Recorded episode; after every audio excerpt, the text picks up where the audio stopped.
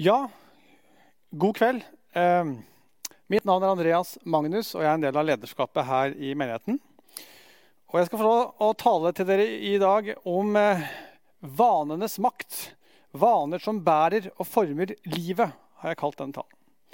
Før jeg gjør det, har jeg lyst til å bare be en liten bønn. Takk, Far i himmelen, for at du er her. Må du gi meg å snakke sant om deg, om livet, om ditt ord i dag.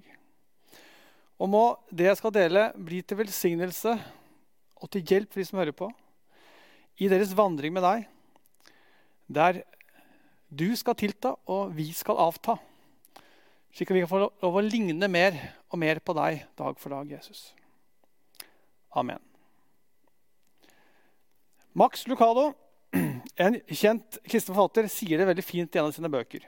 Gud elsker deg akkurat slik som du er, men han elsker deg altfor mye til å la deg forbli slik. Han vil at du skal bli mer lik Jesus. Jeg vet ikke om du er klar over det, men uh, dette er faktisk Guds hemmelige plan. Men nei, den er ikke så hemmelig, da. Men uh, du skal ikke forbli slik som du en gang var. Når du uh, tok imot Jesus, så fikk du en ny sjef i livet ditt. Og han, han vil noe med deg. Eh, Bibelen sier at eh, vi ble født på ny. Og eh, det gamle er borte, så alt er blitt nytt, sier Paulus. Og når du blir frelst, så får du en gave. Du får Den hellige ånd på innsiden. Og hans jobb er å gjøre deg til det du var skapt til å være. Nemlig Guds venn og Guds medarbeider her på jorda. Vi skal kjenne Gud og gjøre ham kjent. Og Vi er alle skapt til Guds bilde, men pga. syndefallet så er gudsbildet vårt blitt ødelagt. Delvis ødelagt. Og det trenger reparasjon. Eh, vi må på nytt formes i Guds bilde. Og Det er det Bibelen kaller å være en disippel. En som imiterer og gradvis får lov å ligne mer og mer på Jesus, på vår mester. Men hvordan ser dette ut i praksis da for oss nå? I 2020, 2021 har det blitt her på Hånes. Hva vil det si for oss å være en disippel? Og hvorfor er det så ofte et sånn sprik da, mellom liv og lære? Mellom eh, idealene og praksisen vår? Og Hvordan kan vi spille på lag med Den hellige ånd, slik at dette spriket kan minke? Det er fokuset på den nye taleserien vi nå skal i gang med, og som dette er første talen i, eh, og som vi har kalt 'Disippelliv i praksis'. Den skal vi holde på med ti ganger utover eh, vinteren. Eh, og den er ment å være nettopp veldig praktisk. Og jeg fikk inspirasjon til eh, den taleserien eh, fra denne boka her. Som er, jeg fikk veldig sans for. Nå går ikke jeg nødvendigvis god for all teologi eller alt denne forfatteren står for ellers, men denne boka her syns jeg var nyttig. Og hvorfor det? Jo, fordi den bygger bro mellom noen av disse eldre eh, kristne tradisjonene eh, som var veldig gode på dette med kristne praksiser, med rytmer i livet, med gode vaner, og vår moderne eh, protestantisme, som er litt sånn ribbet for dette her.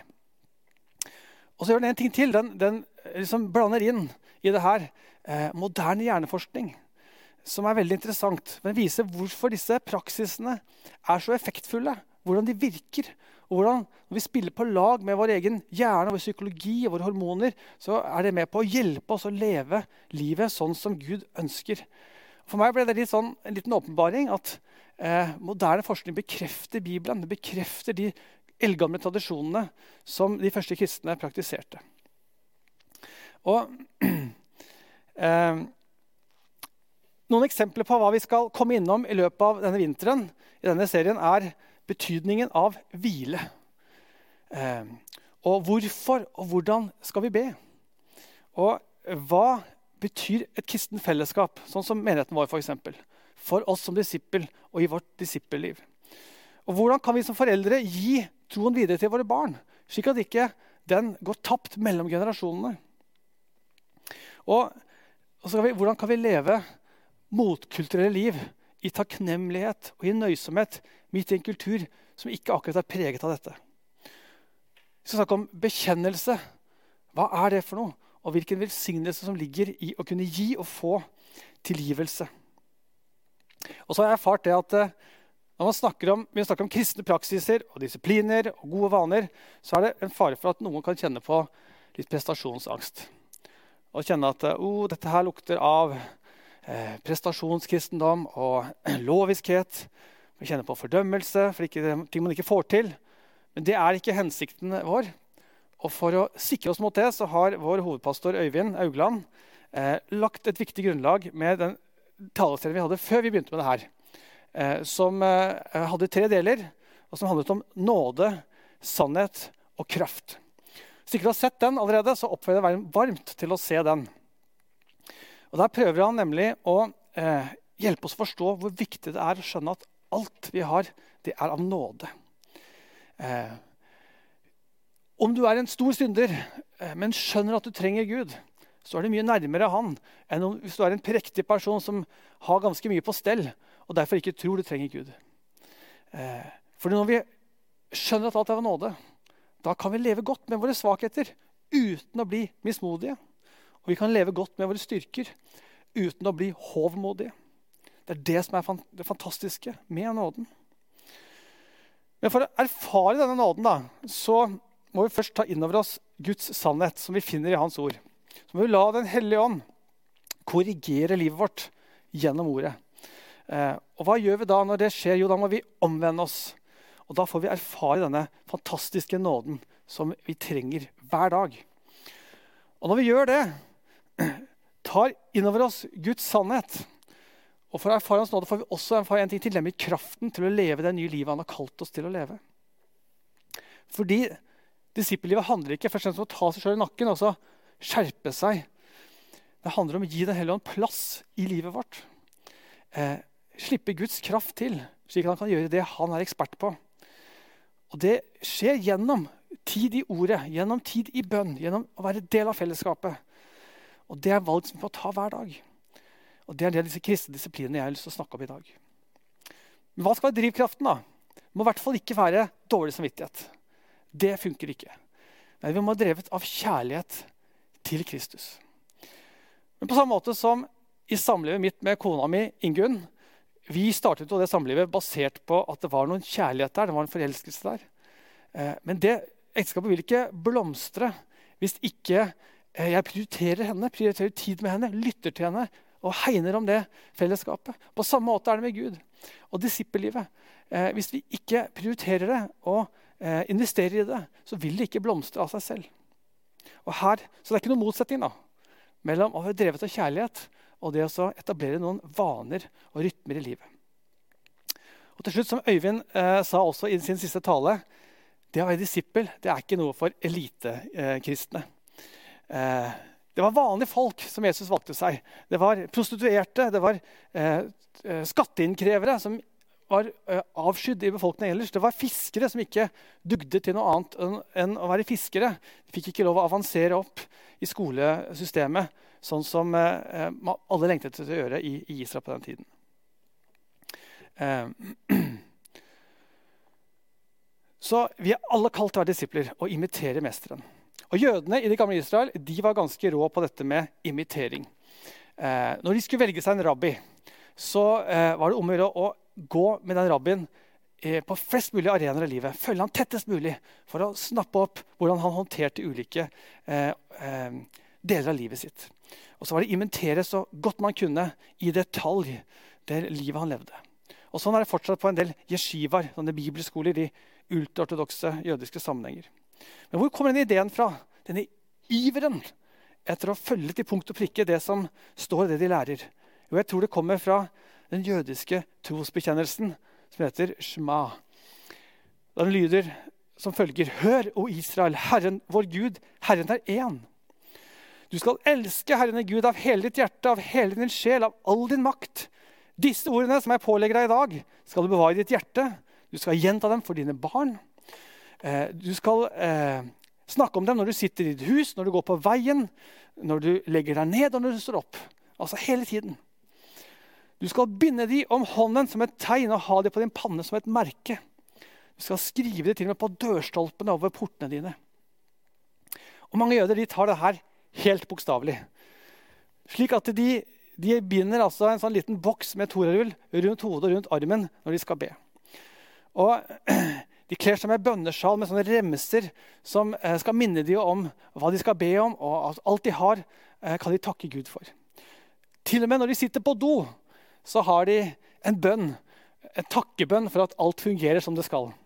Så kan vi smile litt av det, men det er noe litt eh, beundringsverdig over deres innstilling. Jeg tror de har skjønt noe om hvordan vi fungerer som mennesker. Vi trenger noe håndfast. Vi trenger noen konkreter. Vi trenger noe håndgripelig for å kunne omsette de gode intensjonene til praktisk eh, handling. Det er litt som å, når jeg skulle støpe en mur eh, i hagen min, så måtte jeg lage en forskaling. Fordi når jeg kommer og heller sementen oppi, Hvis det ikke er noen forskaling som holder på plass, noen rammer som bare flyter ut, så blir det ikke til noe.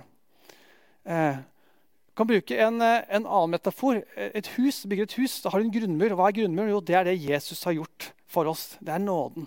Men, men reisverket, altså veggene rundt, eh, som gjør at vi kan ha det trygt og godt og gode opplevelser i huset, og holde ute kulden og snøen og, og kaoset, eh, det er disse gode vanene, disse rytmene, som vi bygger. Eh, og Jødene de hadde masse av det her. De hadde masse årlige fester. De var veldig gode på fester. Høytider. De hadde ukentlige eh, sammenkomster i synagogen. Og de hadde ikke minst sabbatsmåltider hjemme og daglige bønner. Eh, og de første kristne de fortsatte med mye av det her. Det står i Apostelens gjerninger 2, 42. De holdt seg trofast til apostlenes lære og fellesskapet, til brødsbrytelsen og bønnene. Og hver dag holdt de trofast sammen på tempelplassen. Og Noen av disse ritualene noen av disse rytmene har gått tapt opp gjennom kirkehistorien av ulike grunner. Eh, slik at vi i vår hyperindividualistiske moderne vestlige kultur så står vi igjen med ganske få sånne støttesystemer for tro, troslivet vårt. Og jeg tror vi gjør godt i å finne tilbake til noe flere av disse tingene. Og lære av de gamle tradisjonene som finnes der. Regelmessig bønn, bibellesning, tid alene med Gud. Alt dette er eksempler på sånne rytmer som kan være med å hjelpe oss. Men også de små fellesskapene, som vi er ganske gode på her i Hånes frikirke. Hvor vi kan be sammen og be for hverandre. Det kan hjelpe oss å holde fokus i livet vårt. Men Før vi går mer inn på dette med vanenes makt, så har jeg lyst til å presisere en ting. og det er at Etterfølgelse av Jesus begynner med en indre forvandling. Det er kjempeviktig. For Uten å bli født på ny så klarer vi ikke å følge etter Jesus og praktisere. Alle disse praksisene vil ikke gjøre oss eh, noen nytte. Eh, Jesus sier det når eh, Nikodemus kommer til ham, søkende fariseer. Den som ikke blir født på ny, kan ikke se Guds rike, sier han. Fordi det som er født av kjøtt, er kjøtt, og det som er født av ånden, er ånd. Og Paulus følger opp med noe av det samme i brevet til efeserne, hvor han sier For av nåde er dere frelst ved tro. Det er ikke deres eget verk. for at ingen, eh, Det vil ikke på gjerninger for at ingen skal skryte av seg selv. Igjen dette med nåden. Vi må ha det som basis. Samtidig så er det ingen som vokser i sitt kristenliv uten å fatte bevisste valg og gjøre noen harde prioriteringer. Og I noen sammenhenger så opplever jeg kanskje at det er litt sånn motstand eh, mot å snakke om sånn vekst og eh, åndelige eh, disipliner. fordi man sier kanskje at eh, 'jeg har da min barnetro, det må da være bra nok'. Men eh, slik tenker ikke Bibelens eh, forfattere. Paulus han sier til korinterne men vi har det håp at deres tro skal vokse, sier han. Og til kolosserne sier han at eh, vi ber om at dere må bli fylt av kunnskap om Guds vilje i all åndelig visdom og forstand, så dere kan være, vandre verdig for Herren, til behag for Ham i alle ting, ved at dere bærer frukt og vokser i all god gjerning gjennom kunnskapen om Gud. Så vi skal altså vokse i gode gjerninger, i kunnskap, i visdom eh, og eh, i modenhet. Hvorfor opplever vi likevel så ofte et sprik mellom disse idealene og en hverdag som kanskje oftere oppleves som stagnasjon eller eh, gjentagende tilbakefall? Paulus sier det, han kjente på det samme. Han sier det at eh, det gode som jeg vil, det gjør jeg ikke. Men det onde som jeg ikke vil, det ender jeg opp med å gjøre. Hva er det som får oss til å trosse det vi vet er rett? Jeg har lyst til å trekke fram tre faktorer som jeg tror er viktig for å forstå dette, hvorfor det blir sånn ofte. Og Det ene det er eh, synden i oss. Og gamle natur, kjødet, kaller ofte Bibelen det for. Og så er det punkt to. Det er kulturen rundt oss. Eh, den trekker oss gjerne bort fra Gud. Og så er det den tredje, vår egen menneskelige hjerne. Med dens formbarhet og de belønningssentrene og de mønstrene som den eh, henger seg opp i. Og gjør at den ofte blir en fiende for oss istedenfor en, eh, en eh, alliert, som det også kan være. La meg ta synden først. Eh, hva gjør vi med synden? Jo, den skal vi omvende oss fra. Og det håper jeg du gjør. Hvis det er lenge siden du har gjort det, så vil jeg utfordre deg til å ta en stund i dag hvor du ber Den hellige ånd om å vise om det er noe i ditt liv som han ønsker å ta bort, som ikke skal være der. Jeg tror ofte så eh, ber vi Gud om å hjelpe oss og velsigne oss. Kanskje vi litt oftere skal be Gud om å rense oss. Ikke fordi vi skal liksom piske oss sjøl og eh, liksom, eh, grave oss ned i, i møkka. Nei, men fordi vi skal få erfare mer frihet, mer frimodighet. For sannheten setter oss fri, står det. Og så viser all forskning at eh, skal du slutte med noe, skal du overvinne en dårlig vane, så er det lettere hvis du begynner med noe nytt. For en god vane. Eh, jeg får en del feedback fra min familie på at jeg er veldig litt for god til å gi konstruktiv tilbakemelding, som jeg liker. Eller også kalt kritikk. Og det er noe med at eh, jeg er litt sånn analytisk anlagt. Jeg har veldig behov for å korrigere og fikse og eh, forbedre på ting jeg ser rundt meg. Men nå prøver jeg også heller bruke den eh, delvis gudgitte gaven som det egentlig er, til å lete etter noe positivt istedenfor noe negativt. Catch them doing good, sier vi i pedagogikken. Mye mer effektfullt enn å ta folk på alt de gjør som er feil. Og så er ikke jeg der enda, at jeg får det til hver gang. Men jeg jobber med saken, og bare at jeg er bevisst på det, det hjelper. Kulturen rundt oss det er en annen faktor som kan være med på å dra oss vekk fra det disippellivet vi ønsker å, å leve. Og hva er egentlig kultur? Det fins 100 definisjoner på kultur. og Forskerne er ikke helt enige. Men én definisjon som jeg har litt sans for, det er at uh, kultur det er vaner i makroperspektiv. Det er altså alle de vanene som vi og de rundt oss, og alle uvanene vi har, til sammen det utgjør vår kultur. Og eh, da er det slik at Hvis ikke vi er veldig bevisste på de valgene vi tar, så er det veldig fort at kulturen og omgivelsene de velger for oss. Du ligger ikke bare stille og flyter, du dras med strømmen.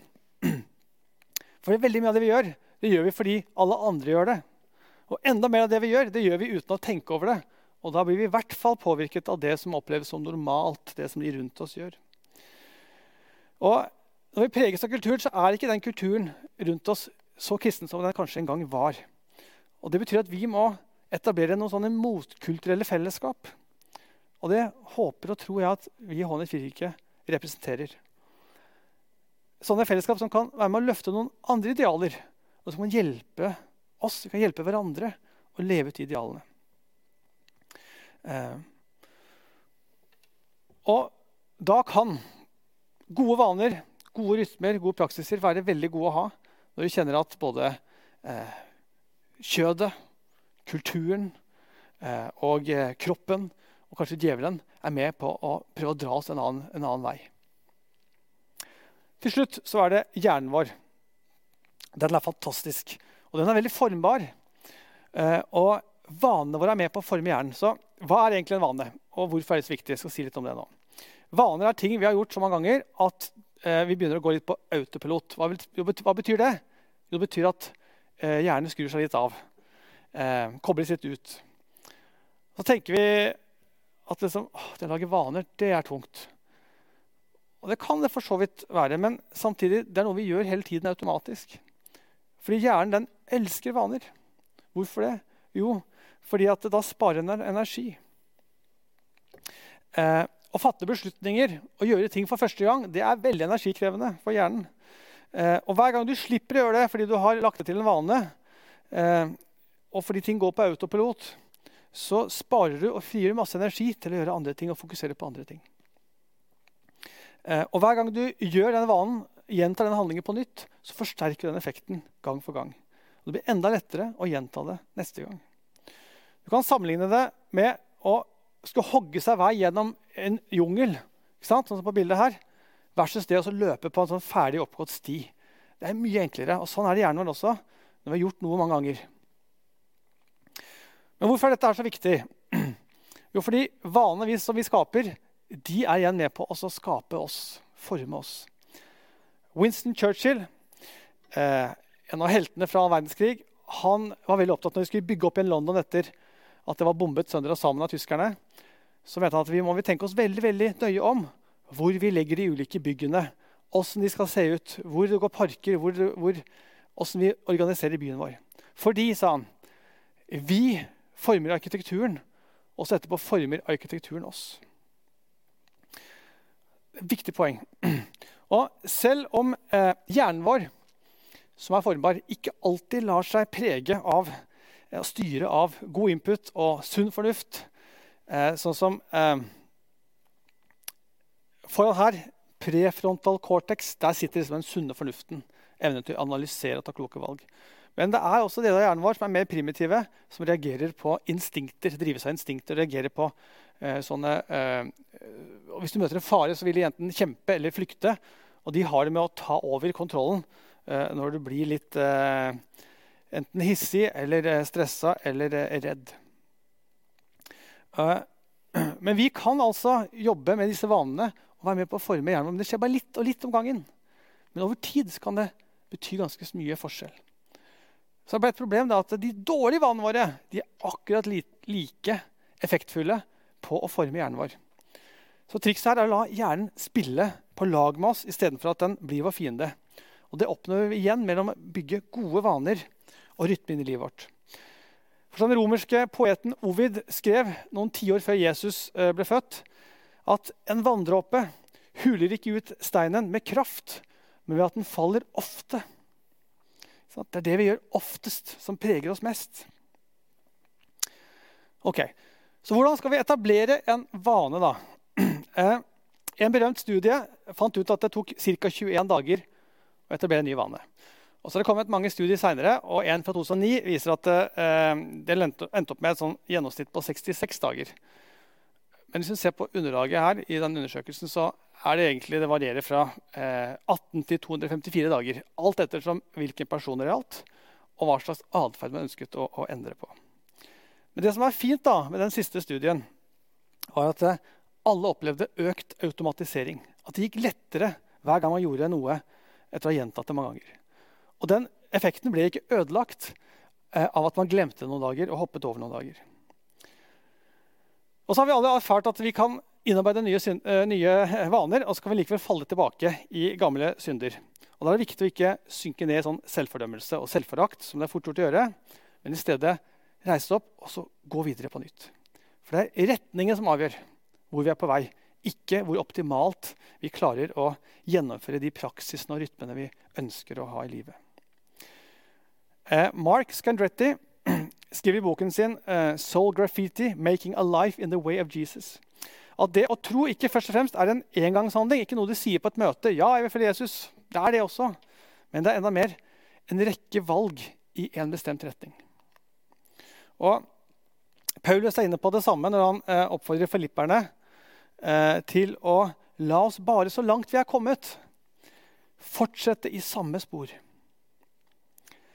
Jeg er litt glad i filosofi, og en av det forrige århundrets største filosofer var Friedrich Nietzsche. Han er jo mest kjent for å ha sagt at Gud er død. Han studerte teologi, og så mistet han troen. Eh, men han var en skarping, eh, og han forsto også kraften eh, som ligger i dedikasjon og ha en retning på ting. Han sier i en av sine bøker det ser ut som om det vesentlige er at man adlyder i én og samme retning. Ut av det har det alltid kommet og vil det alltid komme noe som gjør det verdt å leve på jorden. F.eks. dyder, kunst, dans, fornuft og åndelighet. Eller et eller annet forklarende, raffinert, storartet og guddommelig. poenget til alle disse er at vi må bevege oss i en retning. Skal det bli noe ut av livet vårt? Eh, vi kan ikke vingle hit og dit. Hvordan gjør vi det? Jo, det er gjennom vaner, gjennom rytmer. Gjennom forpliktelse og overgivelse til noe. Og øvelse gjør mester, heter det. Og hvert forsøk vil bringe oss et skritt nærmere målet. Stikkordet for å lykkes da, med eh, intensjonen vår, det er konkretisering. Og målet er å begynne å be daglig, f.eks. Eh, så må du spørre deg selv ja, hvordan skal jeg få til det. da? Eh, når på dagen skal det skje? Hvordan? Eh, hva slags hjelpemidler kan jeg kanskje trenge? Eh, Edin Løvaas han var eh, det kalles ofte for retreatbevegelsens far i Norge. Og han var en nestor når det gjaldt å oppmuntre til rytmer og vaner. Han var også inspirator for forfatteren av denne boka som jeg henviste til i starten. Eh, og han pleide å eh, koke seg en kopp te, smøre seg et par eh, knekkebrød med sitt favorittpålegg. Satte seg med avisen, og så satt han og leste. Så tok han en liten eh, lapp så skrev han ned bønneemner som Gud minnet han om. Så gikk han inn, i, satte seg i bønnestolen sin, og så hadde han foran seg eh, ikoner og bilder og håndfaste ting som han holdt fast i og kikket på når han gikk gjennom eh, bønnene. Takksigelser, bekjennelser osv. Sånn holdt han på. Det var hans rutine. Og så tenker du kanskje at Det høres veldig fint ut, men så disiplinert er ikke jeg. Andreas. Nei, ikke jeg heller. Men trøsten er at eh, også Eden Løvaas hadde dager Han forteller om det i en av sine taler. Av og til har jeg slike vemmelige dager der jeg ikke har en eneste sunn tanke i hodet. Da drikker jeg likevel teen min og spiser knekkebrødene. Så går jeg inn på kontoret mitt. Men istedenfor å sette meg i bønnestolen, så står jeg bare sånn. Og så sier jeg, 'Gode Gud i himmelen, i dag orker jeg ikke å be.' Amen. Og så går jeg ut. Men hvorfor går jeg gjennom hele prosessen da? Hvis dere likevel ikke orker å be? Jo, det er noe med å holde fast i rytmen. Det er viktig, avslutter han. Og så er det ikke alle ganger, selv om vi orker å be, selv om vi orker å lese Bibelen, at det fører til de helt store åpenbaringene. Eller at vi føler at det skjer så voldsomt mye med oss. Eh, men dersom vi er trofaste i det vi gjør, så vil vi preges. Og åpenbaringene vil komme. Det er litt som Hvis du er glad i naturopplevelser, ønsker å oppleve naturen fra sin beste side, så skjer det ikke hvis du sitter i sofaen. Da må du ut i naturen. Og Noen dager så er det litt gråvær, og du får ikke så voldsomt flott utsikt. Men hvis du er trofast og går opp på disse fjelltoppene, så vil du en dag være der den dagen hvor du kan oppleve fantastisk utsikten. En åpenbaring. Og Sånn er det også med livet med Gud. Hvis du aldri går, tar et skritt i tro, aldri investerer tid i det, så vil du heller ikke gi Gud mulighet til å åpenbare seg for deg på den måten. Du vil ikke få de fantastiske opplevelsene som han ønsker å møte deg i. Eh. Og skal du stå imot fristelse, som vi alle møter i livet, så kan også vanene være til god hjelp for deg. Jeg vet ikke om du har lagt merke til det, men eh, det er jo slik at det er ofte ved to anledninger at eh, vi sliter med å håndtere fristelser. Og det er når vi er ekstra slitne. Ikke sant? Og da handler det litt om å forebygge sånne situasjoner gjennom tilstrekkelig med hvile og søvn og mat og trening. I hele tatt en balansert livsstil. Eh, skal ikke drive rovdrift på kroppen vår. Så det å leve slik det er altså en del av kristen spiritualitet. Det er en del av eh, disippel, praktisk disippelliv å ta vare på seg sjøl. Munkene i klosteret de var veldig gode på det. De delte alltid dagen opp i tre. Det var arbeid, det var bønn, og det var hvile. Og En annen ting munkene var gode på, det var å begrense sin egen valgfrihet. Eh, som Stian Aarbrot, forfatteren av boka, sier eh, i boka si valgfrihetens avgass er en verden av dilemmaer, som igjen blir en kilde til utmattelse. Ekspertene kaller det for avgjørelsesutmattelse. Det er eh, hver gang eh, vi står i valgets kvaler, så, så, blir vi så slitne.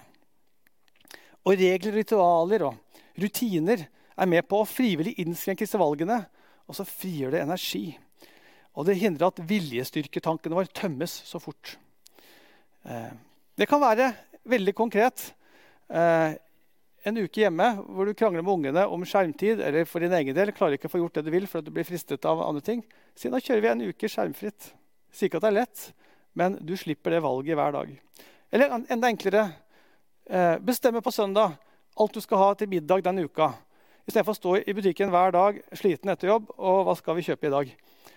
Enkle grep. Eh, fjerne alle disse valgene som er hele tiden. Eh, og så er det slik at Viljestyrkemuskelen kan trenes opp. Det er som andre muskler den reagerer på stimuli. Bare små endringer i hverdagen, små endringer i rutiner, bevisste, de er med på å styrke det. Men ikke forvent enorm framgang. Skal du ha en mirakelkur, da vil du heller gjøre viljestyrken overflødig. Eh, hvordan gjør du det, da? Jo, du må kjenne dine begrensninger. Eh, du må prøve å unngå de situasjonene hvor du vet at du sliter. Hvor du vet at det er lett å falle. Ikke sant? Slett den appen, eller si opp den kanalen, eller dropp det besøket hvis du vet at det er vanskelig for deg. Eh, og så er det å binde seg til masten. Hva betyr det? Jo, forhåndsforpliktelse. Fortell noen. Få med en kompis i ditt prosjekt. Fortell noen planene dine. Så det er lettere å holde hverandre ansvarlig og gjennomføre det. Den andre situasjonen hvor vi ofte sliter litt med fristelsene, det er når vi faktisk har gjort noe bra. Det kalles for moral licensing på engelsk. Sånn at Du har lyst til å påskjønne deg sjøl for du har vært så flink. Unne deg en utskeielse. Det er litt verre å beskytte seg mot denne her. Men igjen kan de gode vanene være en, en, eh, en god støtte. Aristoteles, en annen filosof som jeg er opptatt av, han, mente han var opptatt av at, at det gjelder ikke bare å vite hva som er rett. Du må jobbe det inn i livet ditt som en del av karakteren din. Han kalte det for dyder. Ikke så mye snakk om dyder i dag, men, men var, han hadde godt poeng. Eh, og Hvordan bygger du opp karakteren din? Jo, Det er alle de små valgene du tar når ingen ser deg.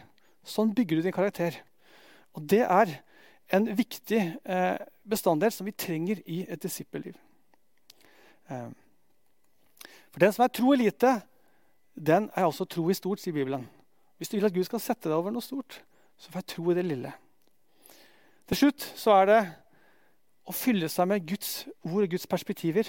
Så får vi i det hele tatt mindre lyst til å gå vekk fra hans vilje og hans plan med vårt liv. Ok, Jeg skal gå mot en avslutning. Eh, de siste månedene så har eh, vi i familien pløyd gjennom Harry Potter. Først bøkene og så filmene sammen med guttene våre. Og det er en veldig fin fortelling.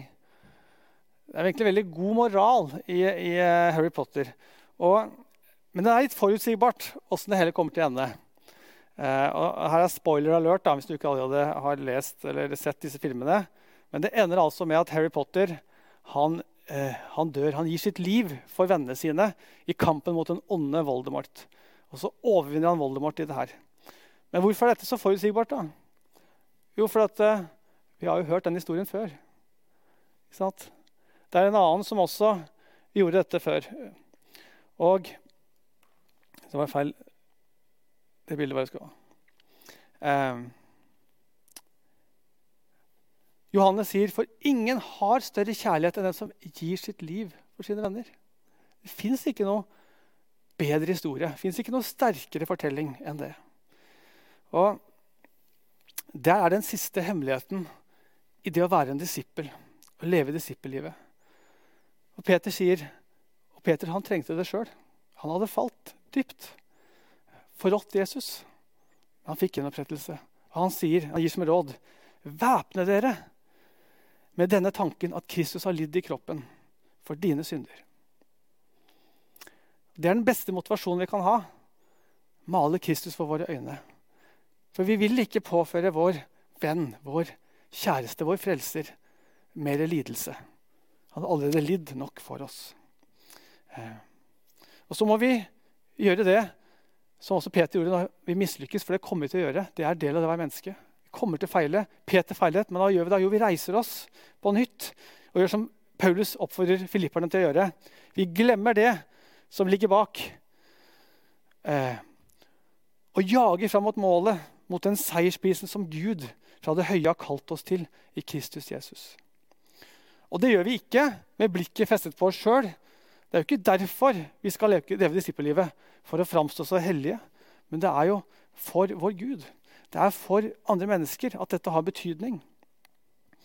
Så vi skal ha blikket festet på Han, på Jesus, troens opphavsmann og fullender.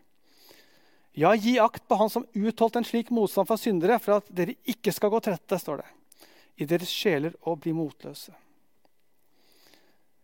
For Det er retningen venner, det er retningen som avgjør hvor vi havner, ikke hvor fort vi går, eller hvor ofte vi faller. La oss be. Takk, Jesus, for at vi får lov til å være dine venner. Og takk for at det verk du begynte i oss, det kan vi være viss på at du kommer til å fullføre. Amen. Nå skal du få lov å høre fra fire stykker her i menigheten som har lagt til seg noen eh, vaner som hjelper de i sin etterfølgelse til Jesus. Eh, se her. Jeg har en fast eh, løperunde her oppe på Lauvåsen. Så tenker jeg at det fins mange koblinger mellom eh, fysisk og åndelig trening. Eh, så jeg har fått en vane med at jeg det siste stykket går hjemover, og så ber jeg for nabolaget mitt her oppe samtidig. Det kommer jeg alltid på på denne runden, så gjerne koblet det til en god vane. Eller om en god vane. Og det er at hver torsdag så, vi, så er vi opptatt. Den ene torsdagen med den skjønneste cellegruppa. Og den andre torsdagen så har vi nå i, i hvert fall tre år vært sammen med mine foreldre og invitert dem på middag. Så det står fast i kalenderen. Hei, mitt navn er Inge. Og jeg har et stort hjerte om å dele min tid og min økonomi med enkeltpersoner som trenger det. Dette har jeg gjort regelmessig gjennom mange år. Og det jeg selv har blitt velsignet med, det ønsker jeg andre skal få del i. Hei, jeg har eh, fått en ny vane, som eh, er å lese litt i Bibelen hver dag. Eh, da følger jeg en bibelleseplan. Og grunnen til at jeg klarer å gjennomføre det, det er egentlig fordi den allerede er laget ferdig for meg. Og fordi at jeg har alliert meg med ei venninne. Hei, jeg ble bedt om å dele litt av en rutine jeg har. Og det er så enkelt som å snakke med Gud litt etter jeg har spist middag. Eh, for da er jeg så seg inn fra før av. Så da eh, legger jeg meg bare på senga og tar på noe lovsang på øret og snakker med Gud, og så leser jeg litt etterpå. Eh, jeg håper du blir inspirert av det her. Kanskje har du noen rytmer det er jeg sikker på at du har, noen rytmer eller vaner som kanskje ikke du helt har tenkt over det, men kanskje du blir minnet om det nå. Hold fast på de ta vare på de. Og så har jeg lyst til å utfordre deg til å se om kanskje det er er det ett område du ønsker å vokse på. Er det én ny vane du ønsker å legge deg til? Begynn bare med én. Det er vanskelig nok. Og Opplev heller seier på det. Og så Allier deg med noen som kan støtte deg, kan hjelpe deg, eh, som kan oppmuntre deg og holde deg ansvarlig. Det er min utfordring til deg i dag. Takk for meg.